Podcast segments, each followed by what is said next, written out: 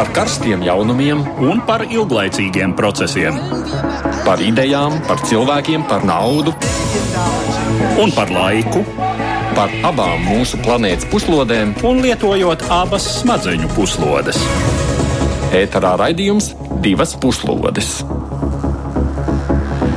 Mēs atkal tiekamies divās puslodēs, un šodien studijā Edvards Liniņš un Aits Tomsons. Laiks, kad ceturtdienās runājam par aktuālo pasaulē. Lielāko uzmanību raidījuma laikā pievērsīsim Lielbritānijai un tās pūlēm cienīgi izstāties no Eiropas Savienības. Vienošanās projekts ir gatavs, un nedēļas beigās to apspriedīs Eiropas valstu līderi. Taču vai Vai, vai to atbalstīs paši Briti? Tas ir liels jautājums. Londonā izveidojusies liela politiskā spriedze. Viens cits tāds potenciālās spriedzes avots gan šķiet šajās dienās likvidēts. Ir izraudzīts Interpola jaunais vadītājs. Spriedze būtu jau amatā ieņemt Krievijas pārstāvis, kurš arī kandidēja vadīt šo starptautisko organizāciju. Lietuva, Ukraina pat paziņoja, ka viņi tādā gadījumā apsvērtu izstāties no Interpola. Un nedaudz pievērsīsim uzmanību arī Savienotajām valstīm. Laikraksts The New York Times ziņo, ka ASV prezidents Donalds Trumps nopietni apsvērs iespēju panākt savu politisko oponentu Hillarijas Klintones un Džeimsa Komija tiesāšanu klausītāji, kas lieto Twitter, kā parasti mūsu raidījuma laikā, ir lūgt atbildēt uz jautājumu, kādu, kuru mēs tad lūdzam jums to Twitterī darīt. Šoreiz jautājums ir, vai jūs, prāt, Lielbritānijas parlaments atbalstīs Brexit vienošanos, vai gaidām ir kādas atricinājumi. Šo Twitter, jautā, Twitter jautājumu varat atrast Latvijas radio viens kontā, tātad Twitterī Latvijas radio viens. Gaidām, protams, arī komentārs mūsu mājaslapā. Un šobrīd studijā bez mums ir arī Latvijas Universitātes asociētais profesors Daunis Auvers. Labdien! Un Delfi žurnālists Toms Gigulis. Labdien! Bet mēs sākam raidījumu kā parasti ar dažām ziņām īsumā. Eiropas komisija oficiāli tātad noraidījusi Itālijas valdības izstrādāto valsts budžeta projektu, tā pavarot ceļu līdz šim nepieredzētām tādām Briseles sankcijām, jo tādas nav līdz šim piemērotas nevienai dalību valstī. Lai gan Eiropas komisija jau ilgāku laiku cenšas panākt, lai Itālija maina savu budžeta projektu, Itālija nav piekāpusies. Tas paredz 2,4% budžeta deficītu, bet nu, komisija prognozē, ka tas būs gandrīz 3% no IKP un pēc gada vēl lielāks. Budžetā ir atcelti visi rosinātie taupības pasākumi, par kuriem bija vienojusies iepriekšējā valdība. To vietā pašreizējais ministra kabinets sola īstenot vērienīgus izdevumus, to starp noteikti ikmēneša algu bezdarbniekiem, palielināt pensijas. Tagad Eiropas dalību valstīm divas nedēļas laika, lai izlēmtu, vai ļaut komisijai īstenot procedūru, kas vēlāk savukārt ļautu piemērot naudas sodu. Tas varot sasniegt pat 0,2% no Itālijas IKP. Ungārijas valdība ir piešķīrusi politisko patvērumu bijušajam Maķedonijas premjerministram Nikolam Gruevskim, kuram Maķedonijā piespriezt divu gadu cietumsots par korupciju. Ungārijas imigrācijas dienas lēmumu pieņēmis balstoties uz Gruevska apgalvojumiem, ka viņa dzīvībai draud briesmas un Maķedonijas valdība vēlas viņu ieslodzīt nedemokrātiskiem līdzekļiem. Gruevskis aizbēga no Maķedonijas pēc tam, kad tiesa 9. novembrī deva rīkojumu viņam ierasties cietumā, bet viņš caur Albāniju, Melnkalnu un Serbiju aizbēga uz Ungāriju. Bijušais premjerministrs maijā tika notiesāts par 600 tūkstošu eiro vērts valdības automašīnas izmantošanu personīgiem ceļojumiem. Tāpat viņš tiek tiesāts arī vairākās citās lietās par korupciju, telefonu sarunu nelikumīgu noklausīšanos. Pats viņš uzstāja, ka lietas ir politiski motivētas. Grevskim izmeklēšanas laikā bija atņemta pase, tāpēc nav zināms, kā viņam izdevās atstāt valsti. Ja Skotija gribēs, tāpēc neatkarības pasludināšanas varēs pievienoties Eiropas Savienībai. Tā ir paziņojis Spānijas ārlietu ministrs Žozefs Borels, vienlaiks brīdinot par apvienotās karalists vājumu. Līdz šim Madride, kas bargi vēršas pret Katalonijas centieniem atdalīties no Spānijas, tika uzskatīta par būtisku šķērsli tam, lai Skotija varētu kā neatkarīga valsts pievienoties Eiropas Savienībai.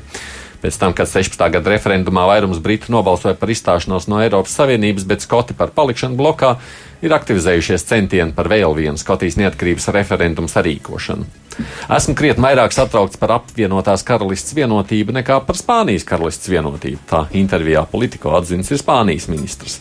Man šķiet, ka viņš turpināja, ka apvienotā karalists sašķelsies vēl pirms Spānijas, un tā ir skaidra zīme apvienotās karalists vājumam.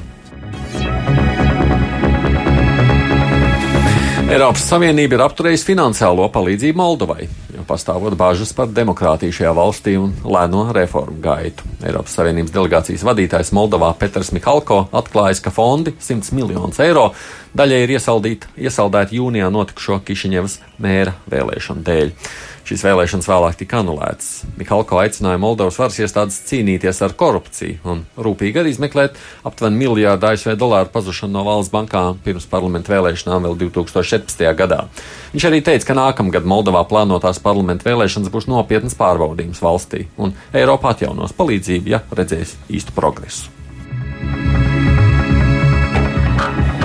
Un vēl Šveicē svētdien notiks referendums par jautājumu, vai lauksaimniekiem, kuri nenogriež govīm un kazām ragus, būtu jāpiešķir subsīdijas. Iniciatīva izrādās ir aizsījusi arī ļoti plašu interesi. Ne tikai pašās Šveicē, bet arī ārpus tās, jo aplēses liecina, ka Šveicē ar ragiem esot aptuveni 10 līdz 25% no visām govīm. Iniciatīvas atbalstītāji norāda, ka ragiem ir nozīme dzīvnieka metabolisma procesā, higiēnā, komunikācijā ar citiem dzīvniekiem. Iniciatīvas mājaslapā citēts ir Bērnas Universitātes pētījums, kurā teikts, ka daudziem teļiem pēc ragu nogriešanas ir ilgtermiņa negatīvas sekas. Taču lauksaimniekiem lēmums nenogriezt govīm ragus nozīmē papildus izmaksas, jo govīm ar ragiem nepieciešams plašāks telpas, un tās prasa intensīvāku aprūpi. Šveices valdība ir oficiāli nostājusies pret šo iniciatīvu, apgalvojot, ka govs ar ragiem ir daudz bīstamāks citiem dzīvniekiem un kopējiem. Savukārt dzīvnieku tiesība aizstāvja organizācijas atbalsta iniciatīvu. Nu, pēdējās sabiedriskās domas aptaujas liecina, ka 49% ir par naudas piešķiršanu ragu negriezējiem, bet 46% to neatbalsta. Nu, tādas ziņas, bet nu, pievēršamies tagad sākumā minētajiem tematiem. Nu, pēdējo nedēļu laikā liela uzmanība pievērsta ir notiekošajam Londonā. Eiropa šodien un rīt. Sadarbībā ar Eiropas parlamenta biroju Latvijā.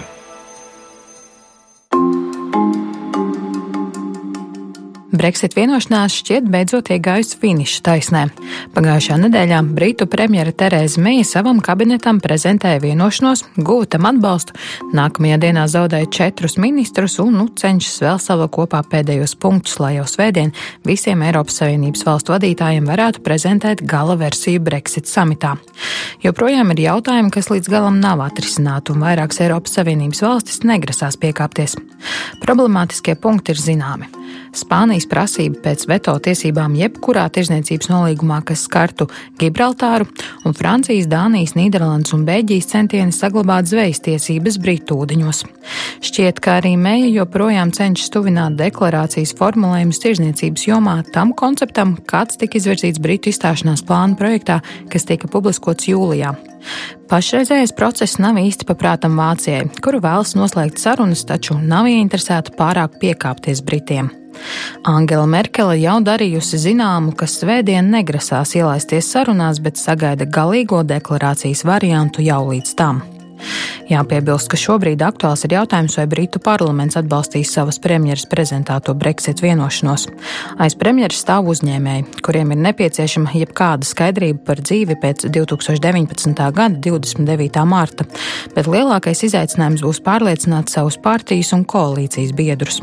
Daudz saka, ka šī ir labākā iespējamā vienošanos, ko Briti var gaidīt no Eiropas Savienības, taču Eiropas parlamenta prezidents Antonio Tajānī preses konferencē pagājušā nedēļā norādīja, ka nekāda pamata svinībām nav, jo Brexit nodara zaudējumus gan apvienotajai karalistē, gan Eiropas Savienībai.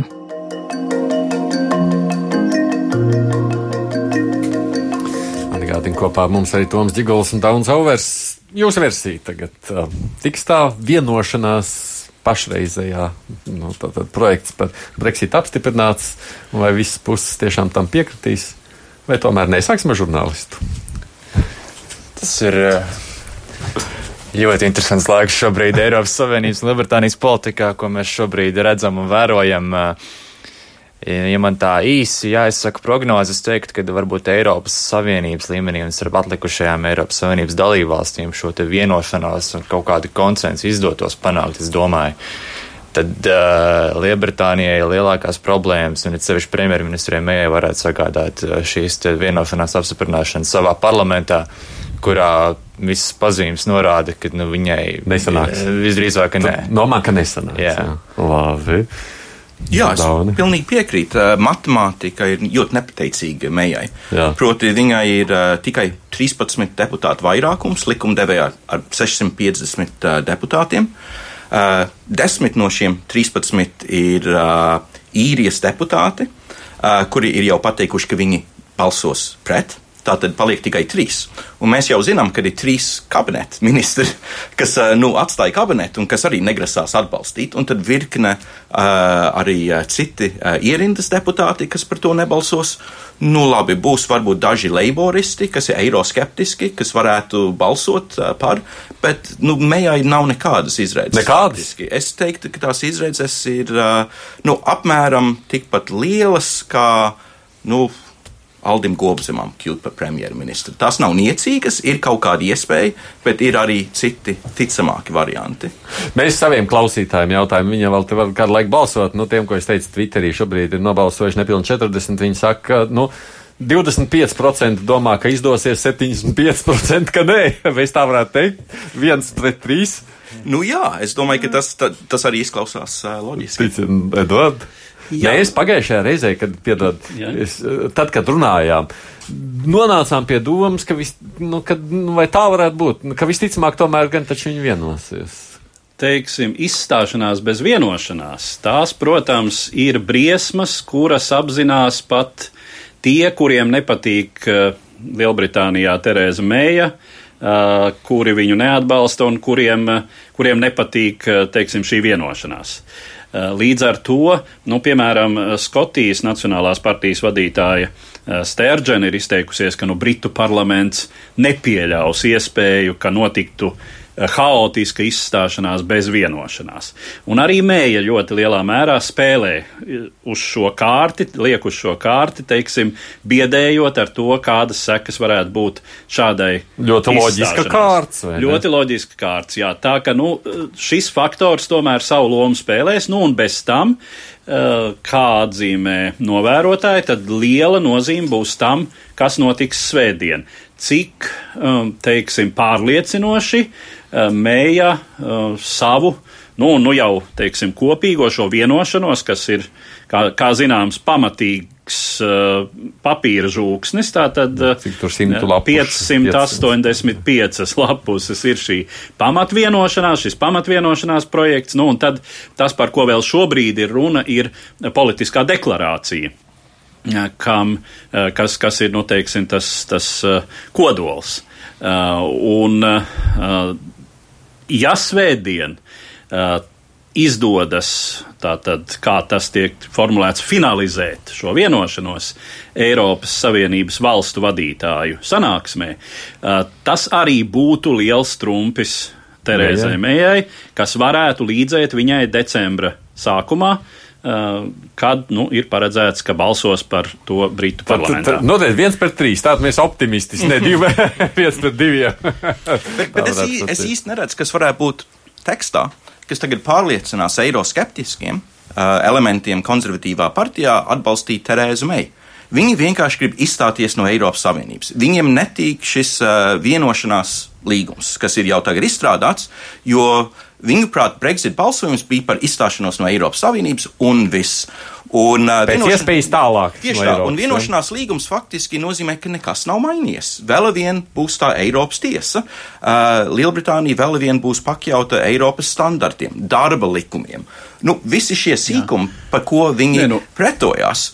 Un, un tā ir tā būtība, kad mēs, vēl, nu, kā, kā viņi to stāsta, No. mēs vēl nākamos divus gadus vismaz, un visticamāk vēl ilgāk, būsim Eiropas Savienībā, un mēs to Bet negribam. no viņu puses tad būtu labāk, ka būtu tas, kā tā saucamā, sting, nu, cietā izstāšanās bez līguma. Tas būtu labāks rezultāts. Nu, jā, jā? nu viņi ir arī jāsaprot, par ko iet runa. Tas uh, cietais Brexits bez līguma nu, nebūs pilnīgi bez līguma. Uh, būs kaut kādas tā kā sīkas vienošanās vairākos jautājumus, nu, piemēram, par aviācijas jautājumiem. Nu, nebūs tā, ka pēc izstāšanās vienkārši Lidmašīnas visi tie briti, kas ir kaut kur Berlīnē vai Spānijā, ka viņi tur paliek, jo nevar lidot atpakaļ. Jo, nu, protams, tur būs visādas vienošanās, kas nodrošinās to, ka tirdzniecība vēl vien notiks, vēl vien būs cilvēku plūsmas un, un, un, un tā tālāk. Tas jau ir pietiekami skaidrs. Tas Nu, ir jā, runa ir par to, ka teiksim, tā sauktā cietā Brexit aizstāvi uzstāja, ka Lielbritānija varētu turpmāk atrasties ar Eiropas Savienību uh, vislaba, uh, vislielākās labvēlības statusā tirdzniecībā, un pat vēl, teiksim, kāda ciešāka vienošanās, kaut kas līdzīgs tam, uh, kāds ir šobrīd Kanādas brīvās tirdzniecības līgums ar Eiropas Savienību.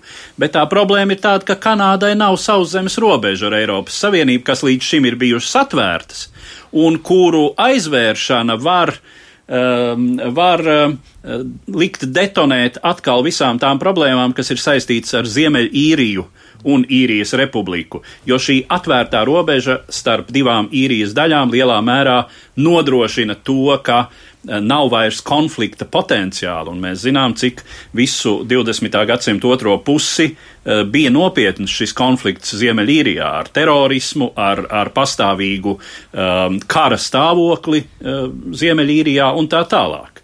Ja? Tā kā līdz ar to tās likmes, es teiktu, nu, tomēr ir pārāk augstas, Uh, un, uh, nu, kaut gan, teiksim, uh, Lielbritānija arī ir deklarējusi, ka tā sauktā lieldienu vienošanās par noregulējumu Ziemeļīrijā nekādā ziņā teiksim, ne, nu, tā tad paliek spēkā un tiks darīts viss, lai, lai, mm. lai šīs problēmas tur nerastos, bet nu, tas, tas joprojām nepārliecina. Bet nu, šīs likmes augstās, ko saka Edvards, tas nav tāds arguments, kas nu, kas liek politiķiem arī tiem, kam nepatīk beigās tomēr matemātiski savas.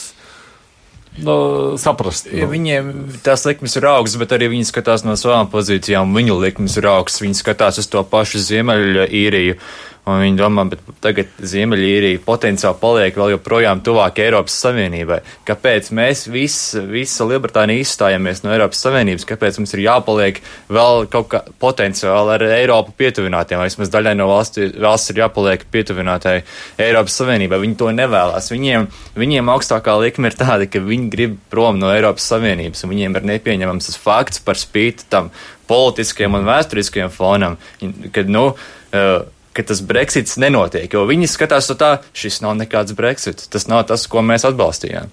Un, un tā ir priekš viņiem šī tā augstā likme, un viņi, un viņi domā, ja viņi tagad atkāpjas no tām savām pozīcijām, nu tad kādi jēga bija visam referendumam un visām viņu tām politiskajām aktivitātēm, jo beiga beigās viņi tāpat nedabū, ko viņi gribēja. Un tās sekas, kādas, te, nu, zīmē man, vienalga, vai Edvards vai jebkurš cits. Man ir tāda izjūta šobrīd, ka Brexits ir sadalījis Lielbritānijas politiku ne pa partiju līnijām lielā mm. mērā, ka, teiksim, cietā un mīkstā vai, Jā. vai, vai mērenā Brexita piekritēji ir pirmkārt jau iezīmējis eh, šī plaisa pašā konservatīvajā partijā. Uh, nu, un arī leiboristu pozīcija šai brīdī. Es taisnību sakot, lasot dažādus, dažādus komentārus, publikācijas, īsti pat nevaru notvert, kāda šobrīd ir Leiboristu partijas pozīcija. Viņiem nav pozīcija. Ja tā partija tika dalīta, tur ir uh, ierindas biedri, kas ļoti atbalsta partiju līderi Jeremy Corbyn, un tad ir parlamentārie deputāti, kas viņu ienīst. Un deputāti viņi negrib redzēt, kā premjeru biedri grib. Un tas arī vēl vairāk eh, sarežģīja šo situāciju un vēl vairāk saskalda tās jā. balsis. Nu jā, un, un eh, teiksim, cik es saprotu, tad partijas disciplīna Lielbritānijā ar, ar tās eh, vēlēšanu sistēmu, izteikti mažoritāro un vispār tradīciju, kā katrs deputāts ir stipri neatkarīgs savos lēmumos. Tātad tāda lieta kā partijas disciplīna, kas varētu citās demokrātijās, nu, kā Latvijā, mm -hmm. piemēram, šo situāciju ļoti lielā mērā saregulēt, ka, teiksim, paceltais īkšķis ļoti daudz ko nozīmē. Nu, nu, Es gluži nepiekrītu, jo partiju disciplīnas faktiski ir ļoti stingras Lielbritānijā. Mums jāatcerās, ka Downing ielā dzīvo premjers, blakus dzīvo uh, finanšu ministrs, kanclers, un tad dzīvo tas saucamais chief whip nākamā mājā, kas ir tas, kas nodrošina uh, disciplīnu valdošā partijā. Un viņiem ir dosjē par visiem uh, deputātiem. Tur ir kompromāts. Nu, mēs to zinām. Nu, ir tik daudz tās biogrāfijas, ko ir rakstījuši Jā. bijušie tie chief whip. Nu, mēs zinām, kā viss tas notiek. Bet šis ir tas gadījums, kad viņi saprot, ka tas princips ir pārāk svarīgs tiem deputātiem, un ka šī gadījumā jums ir pareizi, tas disciplīns visticamāk nestrādās un, un būs tāds brīvāks balsojums. Mums vienkārši klausās, pirms es ceļu klausuli. Mēs uh, runāsim tūlīt arī par to, nu, kā, kas tālāk varētu notikt, ja svētdien atbalsta šo līgumu. Jūsu versija par svētdienas rezultātu, kāds varētu būt Eiropas samits, varētu vienoties, sakot, nu, ka. Nu, ar uh, pastāvošo projektu suns ir pārkāpts. Mm. Nu, teiksim, tā astīte, Gibraltārs, kur ir atkal savukārt Spānijas iekšējās politikas problēmas, kuras teiksim, vairums uzskata, ka var saregulēt. Nu, arī tās zvejas tiesības uh, ir, Jā. ir tie, tie ir tu saki, tomēr stipri sekundāri jautājumi. Vairumam Eiropas valstu vienošanās panākšana šobrīd ir daudz vajadzīgāka nekā tur to atsevišķo valstu atsevišķo. Nu, ko jūs sakāt par sveidienu? Nu, es domāju, ka noteikti būs vienošanās. Būs, man, nu, mans draugs Mortens Hansens, eh, Zviedru augstskolā, viņš Eiropas Savienību šādos brīžos apraksta kā tādu James Bond filma tipa pasākumu, jo vienmēr pēdējā brīdī, pašā mhm. pēdējā jā, brīdī jā. viņi kaut kā vienojās. Eiropā kaut kā tur savienojas, vai ne? Es tu arī domā par to, jā, kā tu teici. Jā, jā. jā. Tu saki, ka tur būs vienošanās. Mūsu dzird šobrīd Eiropas parlamenta deputāts Krišāns Kāriņš. Kāriņkungs, labdien! Labdien! Mēs uh, šeit prognozējām ar savām stikla bumbām, ka svētdien vienošanās būs. Savukārt Lielbritānijā pēc mūsu versijas te vairums noslēdzās par to, ka viņi tur gan nevienosies. Tad Eiropas parlaments savukārt būs pa vidu šajā brīdī. Kā jums šķiet, kādas diskusijas vai cik daudz Eiropas parlaments tad varētu, nu, kā nobalsot, runājot par šo uh, vienošanos? Nu, uh, procedūra un secība ir tāda, ka Eh, nu, tagad ir panākta tāda uh, pagaidu vienošanās, kuru tad būtu jāapstiprina trijās instancēs. Pirmais ir svētdienas dalību valstīm. Šeit es piekrītu kolēģiem, ka kaut gan nu, pēdējo reizi, kad par šo runāja Zaldzburgā, tad tur beidzās laikam netik labi. Uh, tur arī sastrīdējās un tā, bet uh, tagad tā lieta nobriedusi tik tālu, es piekrītu analīzē, ka arī Spānija un Francija ar savām zvejas e, jautājumiem tomēr saprot, ka daudz labāk ir panākt kādu vienošanās, nekā nepanākt vispār vienošanās. Un e, pārsteidzošais būtu, ja Eiropas Savienības dalībvalstu vadītāji nepiekristu e, tagad šim teiksim, pagaidu līgumam vai pagaidu vienošanās. Nākamais solis pēc apmēram mēneša laikam sanāk Lielbritānijas parlamenta. Un arī runādams ar saviem kolēģiem Eh, šeit, nu, kas parlamentā pārstāv, tomēr viņi tajās pašās laboristu un uh, Torī, uh, nu, konservatīvo partijās. Arī viņa prognozes ir tādas, ka visticamākais uh, variants, izņemot, ja kaut kas mainās, ir, ka viņš arī varētu neiziet cauri Britu parlamentam. Kāpēc? Tā kā arī jūs runājat, cik es dzirdēju, uh, ka tie, kas gribu, uh, tik, gribēja tikt prom no Lielbritānijas, tie Brexit atbalstītāji, šis nav pietiekami uh, skaidrs uh, risinājums, jo vēl ir saistības ar Eiropu un, un vienotā muitas unijā un tā tālāk. Un tie, kas gribētu palikt Eiropas Savienībā, ir neapmierināti Jo eh, nu, labi, paliek eh, vienotā tirgu, eh, maksā Eiropas budžetā, bet nevar piedalīties lēmumu pieņemšanā. Tad tas arī ir slikts. Tad viņš sanāk no abām pusēm ir neapmierinātība, kur parasti politikā tas nozīmē, ja abi ir neapmierināti, ir iespējams kompromiss. Šoreiz iespējams abi neapmierināti nozīmē, ka nav. Un tad sākās procedūra, kas ir ļoti grūti prognozējama. Tā izskaitā valdība, nu, cik mējas valdība, cik viņa bijusi pie varas, viņa liekas, visu laiku šūpojās. Viņa ārkārtīgi veiksmīgi kaut kā visu laiku eh, izpeld cauri, bet atkal varētu notikt valdības šūpošana, varētu būt ārkārtas vēlēšanas, būs tie, kas spiež uz otru referendumu, viņa balss un varbūt pat sāks, eh, nu, teiksim, eh, tā iespēja pat pavērties par reāli, kas šobrīd neizskatās, ka viņa būtu. Eiropas parlamenta loma būtu tikai trešajā gadījumā, tad, kad ir dalība valstis teikušas jā, un Britu parlaments saka jā. Nu, ja divi šie teiktu jā, es nevaru iedomāties, ka parlaments teiktu nē, bet mūsu balsojums ir gaidāms tikai uh, pavasarī. Nu, nu, kas teikt... nozīmē, ka visticamāk Eiropas parlaments, jūs sakāt, līdz šitam jautājumam nemaz nenonāks. Šobrīd izskatās, ka varētu nenonākt, bet var notikt arī brīnumi. Un šeit es kā politiķis es vēroju uh, Meijas kundzi personīgi un viņas valdību. Ja es uh, varētu teikt, viņas valdīšanas sākumā es nebiju nekāds nu, teiksim, lielais atbalstītājs vai no malas, un es arī augstu nenovērtēju to, ko es varētu nu, vienkārši tā nosaukt par politisko prasmi.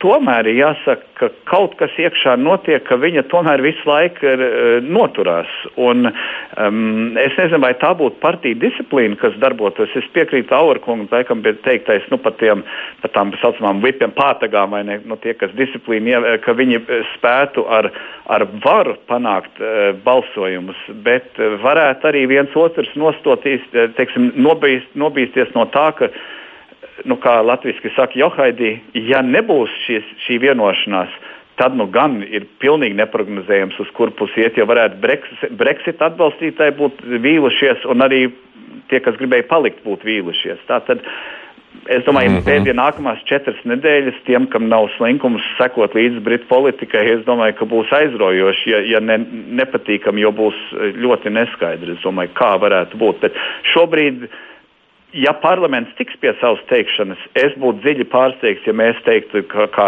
ka deputātu kopums nē. Tas mm -hmm. gandrīz pat neiedomājami. Ja, ja, ja dalībvalsts un vēl Britu parlaments saka, jā, mēs būtu tie, kas teikt, nē, tur nav nekādas loģikas. Loģiks, jā. Paldies, Krišāns Kariņš, kurš ir Eiropas, jā, jā, Eiropas parlamenta deputāts. Uh, bet zīmēm tā tā aina decembra beigas, acīm redzot, ir tas, kurā mēs zināsim, vai ne, ko Britu parlaments ir izdarījis. Tā varētu teikt, jā, tā no Kariņa kunga tā. Nu, droši vien jau decembra vidus. Jā, es domāju, pirms svētkiem. Jā, pirms svētkiem. Kas notiek tālāk? Jūsu versija. Nu, mēs, parlaments saka nē, un. Nu, kas vispār var? Nu, tagad... nu, tas, kas ir visticamāk, ka, ja parlaments saka nē, uh, tad atkal konservatīvā partijas tie biedri, tie, kas ir lielā opozīcijā pret Terēzu Meiju, mēģinās savākt uh, vajadzīgās vēstules vai balsis, lai būtu uh, balsošana par jaunu līderi. Tas, kas viņiem neizdevās pirms nedēļas. Tā, nu, viņi it kā vēl cenšas, bet viņiem visticamāk nesanāks. Jo parasti, nu, ja tev nesanāk pirmās septiņās dienās, tad tev vispār nesanāks. Tad viņi atkal mēģinās savākt šīs 50 kaut kādas vēstules, kas ir vajadzīgas, ka deputāti pasaka, nu, ka viņi grib, lai rīko tādas, tādas ārkārtas vēlēšanas. Bet šis process faktiski ir tīri garš. Tas ievelkās parasti uz kaut kādiem diviem, trim mēnešiem. Viņi var mēģināt saīsināt, bet tas vēl prasīs dažas nedēļas.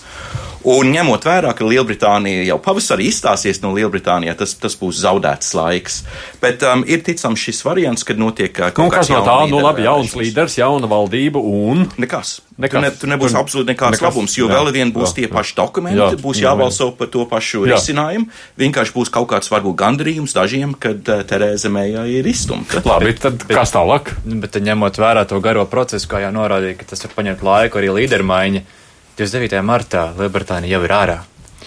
Un tad ir tas no deal cietais Brexit, kā mēs nosaucam, kas ir pats sliktākais.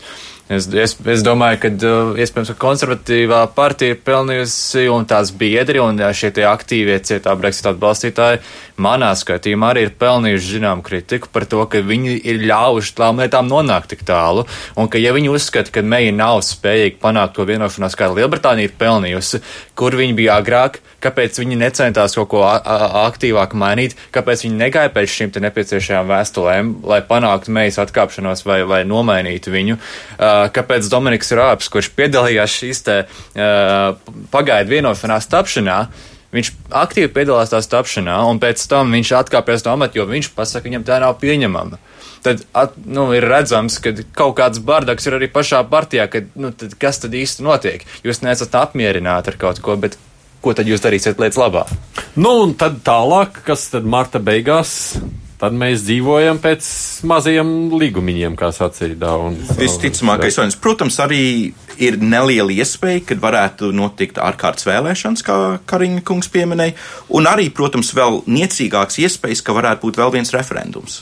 Nu, redz, mēs esam uzzīmējuši šādu ainu, Eduārds ar tavu optimistisko skatu. tu to sauc par, par optimismu. Man, man nu, te jāsaka tāpat kā Tajānī kungam, Eiropas parlamenta priekšsēdētājiem, ka nekādam optimismam vispār šeit nav vietas. Jo viss, kas notiek, ir diezgan slikti. Jā. Bet nu, tas, kas, tas, kas arī ir izskanējis no Eiropas parlamenta puses, ka pastāvošā vienošanās patiešām saglabā Eiropu kā ekonomisku projektu. Uh, Lielbritānijai arī dzen aizejot. Uh, nu, un, un ja ir runa, teiksim tā, nu, cietais Brexits, tā ir viena lieta, bet tas būtu cietais Brexits ar vienošanos.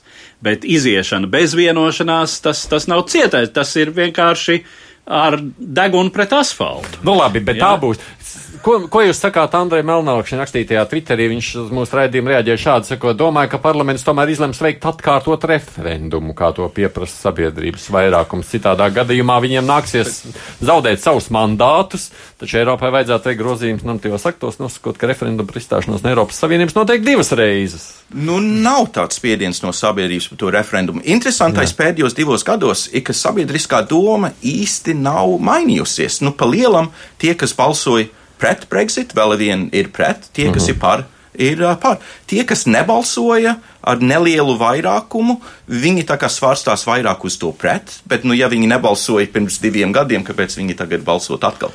Bet tas referenduma variants, nu, šobrīd nu, nav tāds spiediens no sabiedrības. Ne? Nebūs. It, it nu, nevar teikt, ka nebūs, bet nav tāds spiediens. Nu, jā, nu, būtu interesanti būtu tad, ja tiešām notiktu šis, atkā, šis ārkārtas vēlēšanu variants. Un ka tad uh, tad būtu jautājums, tad leiboristiem pilnīgi noteikti būtu beidzot jāformulē kaut kāda uh, konkrētāka, artikulētāka pozīcija, un tā pozīcija varētu būt, pēc visām zīmēm spriežot, arī pozīcija par atkārtot referendumu. Leiboristu partijas gadījumā tas tā varētu būt. Bet tur, tur manā skatījumā ir divas problēmas. Viena no problēmām ir tā, ka arī 29. marts jau būs visdrīzāk apritējis arī pie ārkārtas vēlēšanām. Mm. Un, un tajā situācijā vairs nevar atsaukt 50. pantu no, no līguma mm -hmm. par Eiropas Savienību. Tā ir, tā ir viena problēma un arī atkārtots referendums. Nu, mums būs divi atkārtot referendumu jautājumi, cik tas ir demokrātiski, ja reiz viens referendums ir bijis, un kāpēc, lai kāds no Brexit atbalstītājiem neteikt, ziniet ko, nu tad pēc sportiskā principa līdz divām uzvarām, tā esam vēl trešo referendumu, un, un tad līdz divām uzvarām, nu, tad, tad ja var būt divi referendumi, un tur, piemēram, atbalsta palikšana Eiropas Savienībā, bet tomēr ir, kā jau norādīja, pietiekami liels skaits Lielbritānijas iedzīvotāju, kas atbalsta izstāšanās no Eiropas Savienības.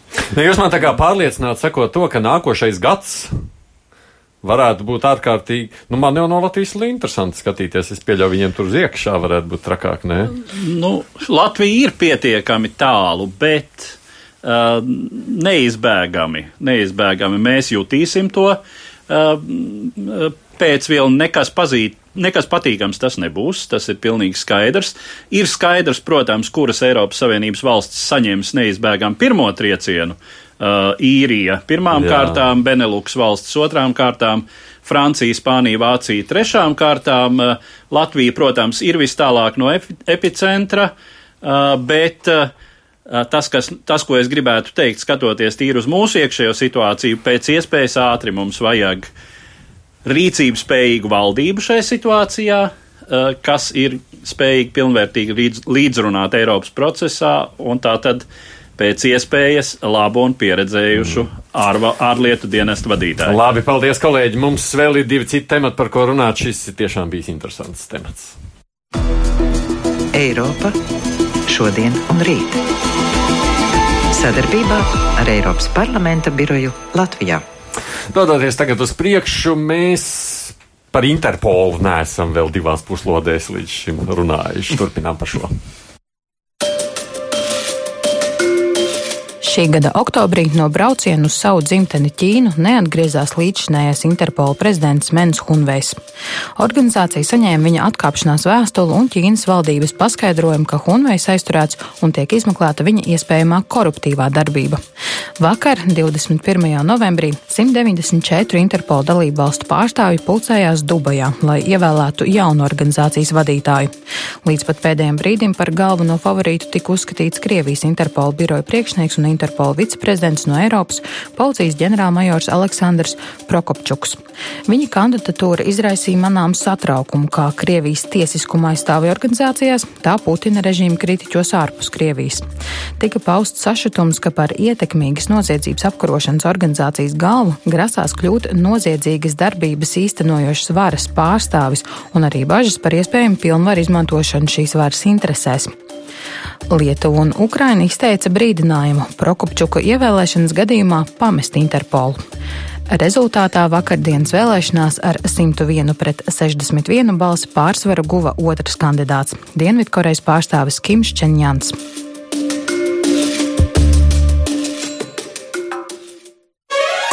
Divas puslodes! Atgādini šeit studijā Latvijas Universitātes asociētais profesors Dauns Auvers un Delfu žurnālists Tomas Džiguls, protams, arī mēs ar Edvardu Liniņu. Ko mēs vispār zinām par Interpolu? Kas tas tāds, tāds ir? Kā viņš ir izveidots? Startautiskā policija. Startautiskā policija. 194 dalību valstis. Nu, nu, tas ir veidots, lai um, veicinātu sadarbību starp uh, policijām. Jo, protams, mūsdienās ir tik daudz uh, tie pārobežu noziegumi, uh, nu, narkotika un, un, un naudas atmazgāšana un tā tālāk. Un ir skaidrs, ka ir vajadzīgs nu, kaut kāds instruments, lai policija Nigērijā var sadarboties ar uh, policiju Nu, kā Kanādā. tā sadarbība notiek tādā tīri? Pirmām kārtām informācijas aprite, tad ir tā sauktie starptautiskie aresta orderi, uh, kur vienas valsts policija izsludina kādu personu starptautiskajā meklēšanā. Tas nozīmē, ka, nu, pat piemēram, ziņa no Ēģiptes, ka tur ir aizturēta viena korupcijā aizdomās turēta Rīgas, šķiet, jā, jā viņa nebija uh, bijusi Rīgas Jā, jā, jā, stābiņā arī stābiņa, kas dzīvokļus dalīja pa labi. Jā, nu lūk, nu viņi ir nu pat aizturēti Eģiptē, gan it kā aizturēta ne pēc šī ordera, bet tā kā šis orders ir no Latvijas izdots, mhm. uh, tad uh, Eģipte šobrīd izskata jautājumu par izdošanu, mhm. par viņas izdošanu Latvijai. Tā kā šādā veidā tas notiek. Nu, un ievērojot to, cik plaša ir šī informācijas aprite, cik tomēr lielas ir iespējas šādā veidā nu, tādu tādu orderi izdodot, ietekmēt cilvēka dzīvi, jebkuru uz šīs planētas, tad, protams, jautājums par to, vai cilvēki, kas nonāk šādas organizācijas vadībā, vienmēr lieto šīs pilnvaras uh, Godīgi. godīgi, jā, atbilstoši, teiksim, vispār pieņemtiem likuma standartiem, nevis uh, savas pārstāvētās valsts un tās režīma interesēs, nu, šādi jautājumi, protams, ir ļoti sāsināti. Mm. Uzreiz gan jāsaka, ka, nu, runājot par konkrēto kandidātu, kurš neizgāja cauri, Krievijas policijas ģenerāli Prokopčuku, uh, tad, uh, nu, teiksim, Interpol vadītājs pats neizdod šādus orderus. Bet, nu, ieņemot uh, tādu amatu, tiekot klāt datubāzēm, protams, un tā tālāk, un tā tālāk. Es pieļauju, ka Interpola šefam ir iespējas kaut vai konstatēt cilvēka atrašanās vietu, uh, jebkurus šīs planētas, pat ja viņš nevar, nevar tūlīt panākt arestu un kādu izdošanu vai tam līdzīgi. Nu, mēs pirms raidījuma zvanījām Rīgas Traģiņu universitātes docentam, ārpolitikas institūta pētniekam Mārim Anžānam, jautājām viņam par to, cik tas traki būtu, ja ievēlētu, nu, viņa prāt, Krievijas pārstāvi. Jāatcerās, ka iepriekš vadītājs bija Ķīnas pilsonis. Nu, Ķīnā arī cilvēktiesības eh, ir tālu no, no labām uh, cilvēktiesību stāvoklis, un tur arī notiek dažādas vēršanās pret uh, valsts opozicionāriem un arī viņu meklēšanu ārvalstīs. Uh, līdz ar to uh, nu, šis amats nebūtu arī jāpārvērtē. Jā, tas amats ir vairāk simbolisks, bet no simboliem no otras puses ir uh, pietiekami liela nozīme. Un uztraukums bija par to, ka, nu, kādu ietekmi tas atstās uz Interpola reputāciju un darbību. Vairāk gan reputāciju, jo gan Ukraina, gan Lietuva uh, pauda bažas skaļas uh, par to, ka pat varētu atstāt šo organizāciju. Tāpat arī ASV un Lielbritānijas ārlietu dienesti stingri atbalstīja Dienvidkorejas pārstāvju ievēlēšanu. To var izmantot Interpol tādās politiskās cīņās vispār. Jā, nu, tās aizdomas, aizdomā ēna, kas krita par Krievijas pārstāvi, par to, ka nu, viņš un Krievija iepriekš ir izdevusi aicinājumu nu, starptautiskā arestu orderi caur Interpolu attiecībā uz personām, kas tiek politiski vajāts. Un, nu, aizdomas pastāvēja, joprojām tādas ir, ka nu, tas var turpināties arī tālāk. Bet nu, no otras puses, vadītājiem ir vairāk tāda ceremoniāla loma organizācija jau tā kā tā vada ģenerālsekretārs. Un, jebkurā gadījumā pašam Interpolam jau nav policijas spēki. Interpols vairāk darbojas kā koordinējošs mehānisms, kas palīdz sadarboties dalību valstu policijas iestādēm, un, ja nu, ir kāds arests jāveic, tad to veic saskaņā ar nacionālu likumdošanu, un pēc tam katra valsts lemj par izdošanu vai neizdošanu citai valstī. Viņš te vairāk tā tāds sadarbības projekts. Sadarbības, jā, bet nu, ļoti nozīmīgs, un tas būtu zaudējums, ja šeit sāktos tādas iekšējas uh, negācijas. Tā Mārsa Anģāns, kā ir par tām politiskajām cīņām, ja politisko cīņu, kurā tiek ierauts Interpols. Mēs tā varētu sacīt, ka tā ir problēma, tiešām iespējama, ja potenciāla problēma. Nu, es domāju, ka tas varētu, protams, vājināt Interpolu kā institūciju. Nu, kā kolēģis Anģēns norādīja, ja sāk izstāties valsts no institūcijas, tad nu, tas mm. parasti kā, nu, tam ir tāds tā kā, nu, lavīna efekts, tas, tas, tas turpinājās. Un, ja ir divas valstis, kas ir izteikušas šādu draudu, tad tas. Uh, kāpēc tādas valsts, nu, tur Ķīna? Iepriekš Krievija. Nu, kāpēc vispār šāda veida valsts, kurās, par kurām pašām reizēm ir? Tomson kungs jādod visiem. Iespēju. Visiem jādod iespēju. nu, atcerēsimies to, ka, ka tikai puse pasaules valstis ir tā, nu, demokrātijas un nosacīta mm. demokrātijas. Otrā daļa ir autoritāras valstis. Un viņiem, nu, ja, ja tā ir globāla institūcija, tad tām autoritārām valstīm ir tikpat liela liels tiesības eh, ieņemt šos amatus kā demokrātiskām. Un ņemot vērā tendenci, ka pasaule kļūst vairāk un vairāk autoritāra, tad mums varbūt jāpierod pie tā, ka ir biežāk un biežāk šāda amaties eh, autoritārām valstīm. Jā, un vēl jau vairāk, nu tā ir policijas struktūra. Un uh, policija pati par sevi ir, teiksim, spēka struktūra, kur uh, tīri no tādas uh, varas koncentrācijas iespēju viedokļa uh, autoritāru un lielā mērā līdz ar to policijisku režīmu um, pārstāvji, viņi izskatās drusku pārliecinošāk uh, uz, uh, uz, teiksim, uh, savu demokrātisko valstu kolēģu fona.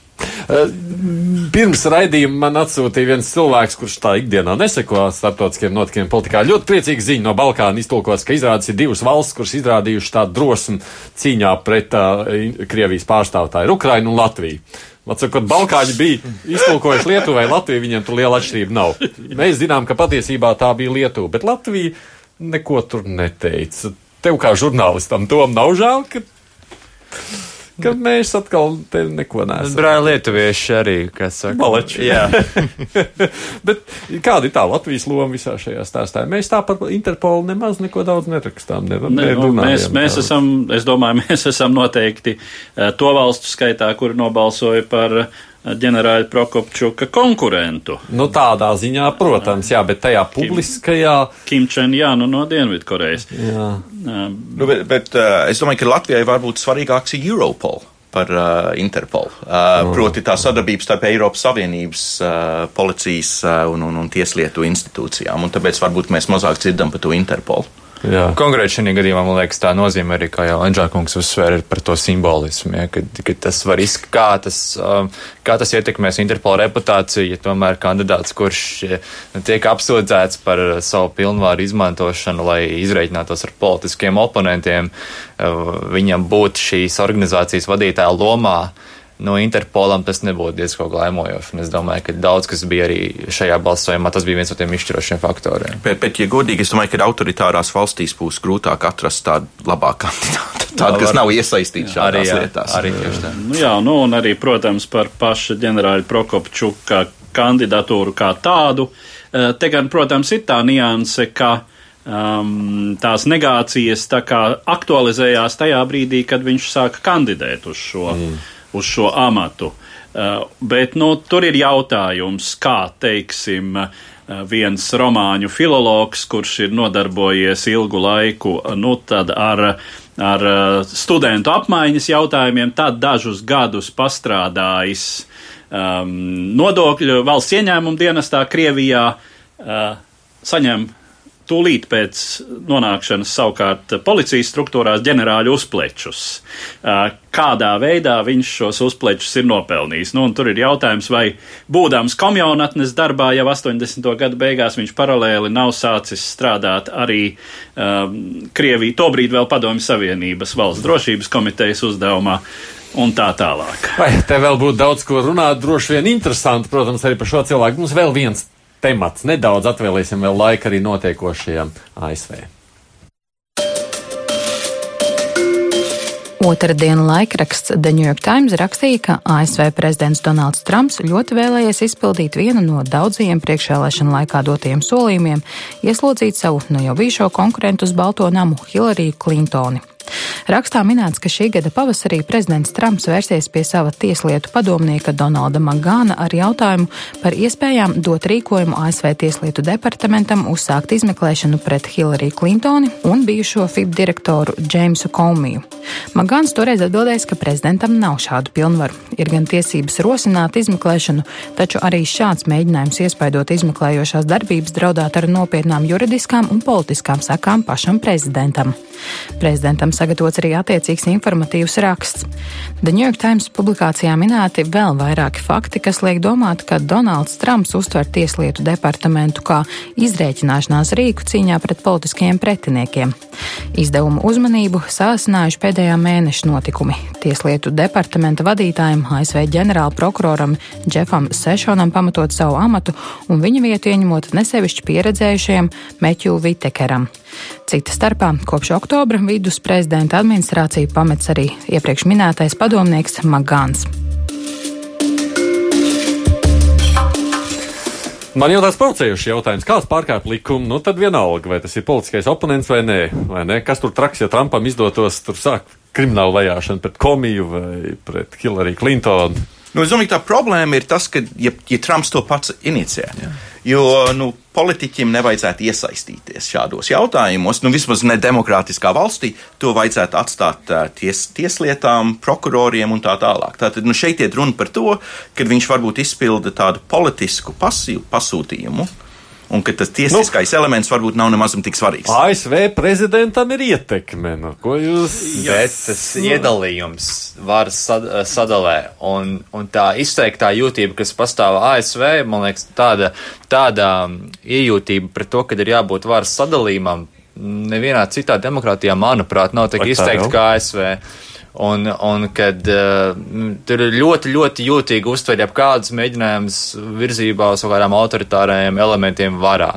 Uh, un ir sevišķi Trumpa kungs, kurš uh, arī nevienmēr ir. Uh, demonstrējis savu kā demokrātiju pats mīlošākais līderis, ja, un pats būdams pietiekami, nu, tāds pretrunīga personība, ja viņš tagad sāk runāt par um, par savu politisko oponentu vajāšanu un pats būdams šīs vajāšanas iniciators, tas ir. Um, nu, Tas izsauc nepārāk ne jauku reakciju. Nu, tas ir kādiem izsauc, varbūt. Es domāju, Trumpa atbalstītājiem iebilžu nebūtu. Jā, tas, kas jau šeit izskanēja, tātad Savienotajās valstīs varas dalījuma princips ir stingrs kā varbūt nekur citur.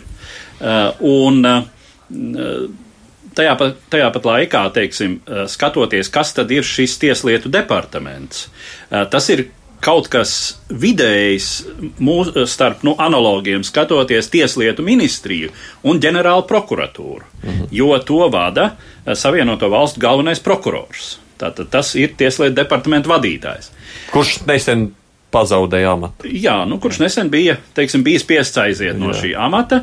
Tātad viņš ir nomināli pakļauts prezidentam, bet nu nerakstīts likums ir, ka tiešām uh, prezidents nespēr pussolīti uh, par tuvu uh, tai varas dalījuma līnijai, un kas arī tika Trumpa kungam tūdaļ gan mutiski no viņa padomnieka Magāna kunga to brīdi, gan pēc tam šai sagatavotajā uh, informatīvajā memo, kā to sauc, pateikts. Bet mēs tā esam savulaik runājuši, ka Trumps pats ir teicis, ka viņš varētu, pie, nu labi, varbūt tādu pārspīlēju, viņš varētu vienalga kādu nogalināt, vis, viņa, mm. viņa tie sekotāji, taču viņam to piedotu, vai ne? Vai tad, nu, šo nepiedot pavisam? Bet redziet, uh, situācija mainījusies tagad pēc vēlēšanām. Uh, tagad tātad ASV kongresā ir divi līmeņi. Tad apakšējā līmenī um, tagad demokrāta partijai ir vairākums. Un tas ir tas apakšējais līmenis, kas ierosina, iesāka impeachment procesu. Tātad senāts, kur Trumpam vēl viena vairākums, ir tie, kas izpild šo procesu un kas arī gal galā nobalso par to. Jā. Bet, lai iesāktu to procesu, nu, tas kārtīgi. Šis nu, būtu pamats, lai iesāktu. Tas jau, tas jau pavasarī, jau pavasarī, kad situācija uh, kongresā vēl nebūtu, nebija tāda, tātad vēlēšanas vēl nebija notikušas, starp mm. Tad uh, šajā situācijā jau Trumpam tūdaļ tika teikts ka ir liela iespēja uzrauties, latviešu sakot, uz impeachment, ja mēģinās. Jo, eh, jāsaka, arī kas tiek pieminēts, Watergate rēks. Kas tūdaļ parādās fonā. Jā, Un nevajag arī aizmirst to pašu faktu, kas tad. Uh, Kas tad uzsāka? Kāpēc sākās Millera izmeklēšana? Tāpēc, ka Trumps atlaida Džeimsu Kobiju direktoru. Kā rezultātā pēc tam tika uzsākt šī Millera izmeklēšana par to, vai tur nav bijušas kaut kādas saistības ar Krieviju Trumpa kampaņai. Ja? Tā kā tur jau bija tas viens sarkanais karoks.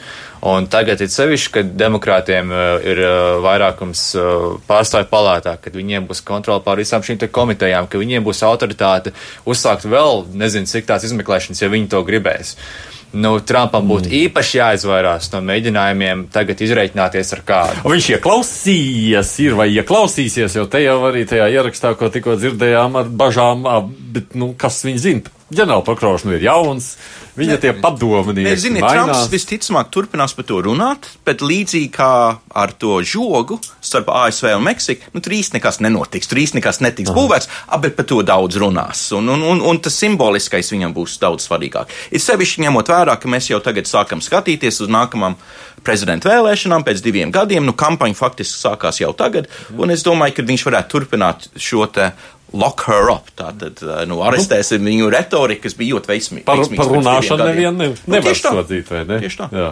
Nu, viņa tā retorika vienmēr ir bijusi uz tādu ļoti, ļoti asu, ļoti tādu skaļu, skaļiem paziņojumiem.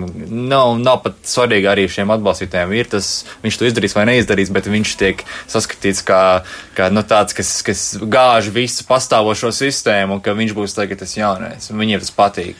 Nu, populisms, kā mēs to saprotam Jā. un vērojam. Nu, Trumps nemīl kritiku, vai ne? Viņš jau ir kurš, kas viņam kāds kaut ko iebilst, viņš ir gatavs uzreiz kā. Twitterī uzrakstīt par viņu kaut ko. Nu, labi, Twitters ir mazākais, vai ne? Bet jūs sakāt, tas paliks tikai runas līmenī, tālāk jau nekādām kustībām nevajadzētu. Es domāju, ka šobrīd, ņemot vērā spēka samērs eh, ASV kongresā, nu, ir grūti ticēt. Viņš to apzinās. Viņam ir, viņam ir komanda, kas to labi apzinās kur viņš maina regulāri. Viņš maina, bet tur vēl ir viena, tur, tur vismaz ir daži kompetenti cilvēki. Tas ir interesants ar citu punktu, vai joprojām ir pietiekami daudz šo, kas viņu spēj piebremzēt šo cilvēku, jo tas pats Magāns, viņš ir prom. Džefs Sessions, kurš tomēr arī ieturēja zinām distanci, viņš tagad ir prom, viņa vietā ir Vitakers, kurš tiek redzēts un saskatīts kā, nu, tomēr vairāk Trumpam pietuvināts cilvēks, un arī nav skaidrība par to, kā, kāda tagad būs viņa loma šajā visā.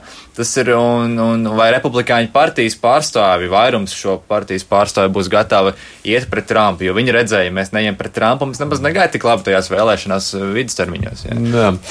Nu, paldies jums, Delfi žurnālists Toms Džiguls un Latvijas universitātes asociētais profesors Dāns Hauvers šeit studijā, protams, arī Latvijas raidījuma žurnālists Edvards Liniņš. Paldies jums! Es saprotu, ka man neapšaubām viss. Vis, Mums visinteresantākie notikumi gan risināsies mazliet tuvāk, laikam, nākošās dienās, ne tik tālu aiz okeāna, cik šai pusē, salā, Lielbritānijas pusē. Noteikti par tiem arī sekosim līdzi. Mūsu procenti jau zēzes, studijā bija Reisaids Tamsons. Mēs tiksimies atkal nākamajā reizē, kad lūkosim, kas noticis ir abās mūsu zemeslodes puslodēs. Divas puslodes!